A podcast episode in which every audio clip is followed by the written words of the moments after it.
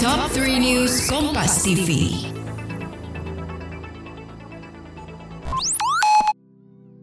Kamu peduli dengan kesehatan mental? Tenang, Anjaman Jiwa hadir menemani kamu dan akan ngebahas seputar kesehatan mental mulai dari pekerjaan, percintaan, hingga sosial.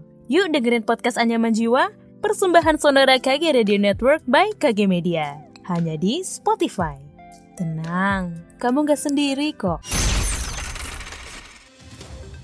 Hasil analisis terkini BMKG Sulsel menunjukkan MJO atau Median Julian Oscillation aktif di kuadran 3 dan bergerak menuju kuadran 4 dan 5 maritim kontinen. Selain itu, anomali suhu muka laut di Selat Makassar bagian selatan, perairan Selayar, dan Teluk Bone bagian selatan bernilai positif sehingga menambah masa uap air di wilayah Sulawesi Selatan. Hal itu mengakibatkan pada 20 hingga 23 Februari diprediksi terjadi hujan dengan intensitas sedang hingga lebat, berpotensi terjadi di wilayah Sulawesi Selatan bagian barat. Wilayah tersebut meliputi Parepare, Baru, Pangkep, Maros, Makassar, dan Takalar. Kemudian wilayah Sulawesi Selatan bagian tengah meliputi Sopeng dan Goa. Ada pula wilayah Sulawesi Selatan bagian selatan dan timur meliputi Jeneponto, Bantaing, Bone, Sinjai, Bulukumba, dan Kepulauan Selayar. BMKG juga mencatat adanya potensi angin kencang di pesisir barat, selatan, dan timur Sulawesi Selatan. Karenanya BMKG mengimbau masyarakat agar mewaspadai gelombang tinggi di perairan sekitar Sulawesi Selatan. Gelombang dengan ketinggian 1,25 hingga 2,5 meter diperkirakan terjadi di perairan Spermonde Makassar, perairan Kepulauan Selayar, dan Laut Flores. Masyarakat diharapkan selalu memperhatikan informasi dari BMKG serta instansi terkait untuk memastikan mitigasi bencana hidrometeorologi dapat dilakukan dengan baik.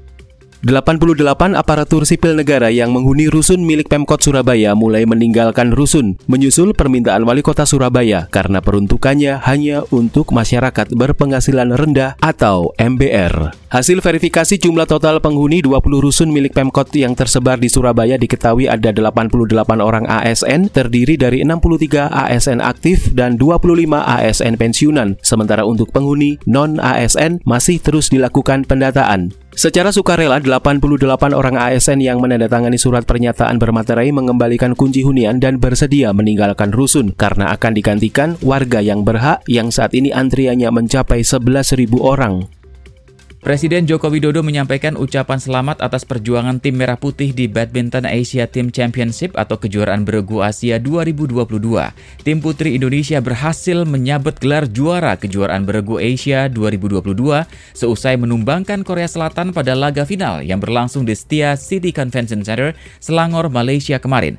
Kemenangan ini membuat tim putri Indonesia mengukir sejarah dengan menyabet gelar juara kejuaraan beregu Asia untuk kali pertama. Demikianlah kilas kabar Nusantara pagi ini.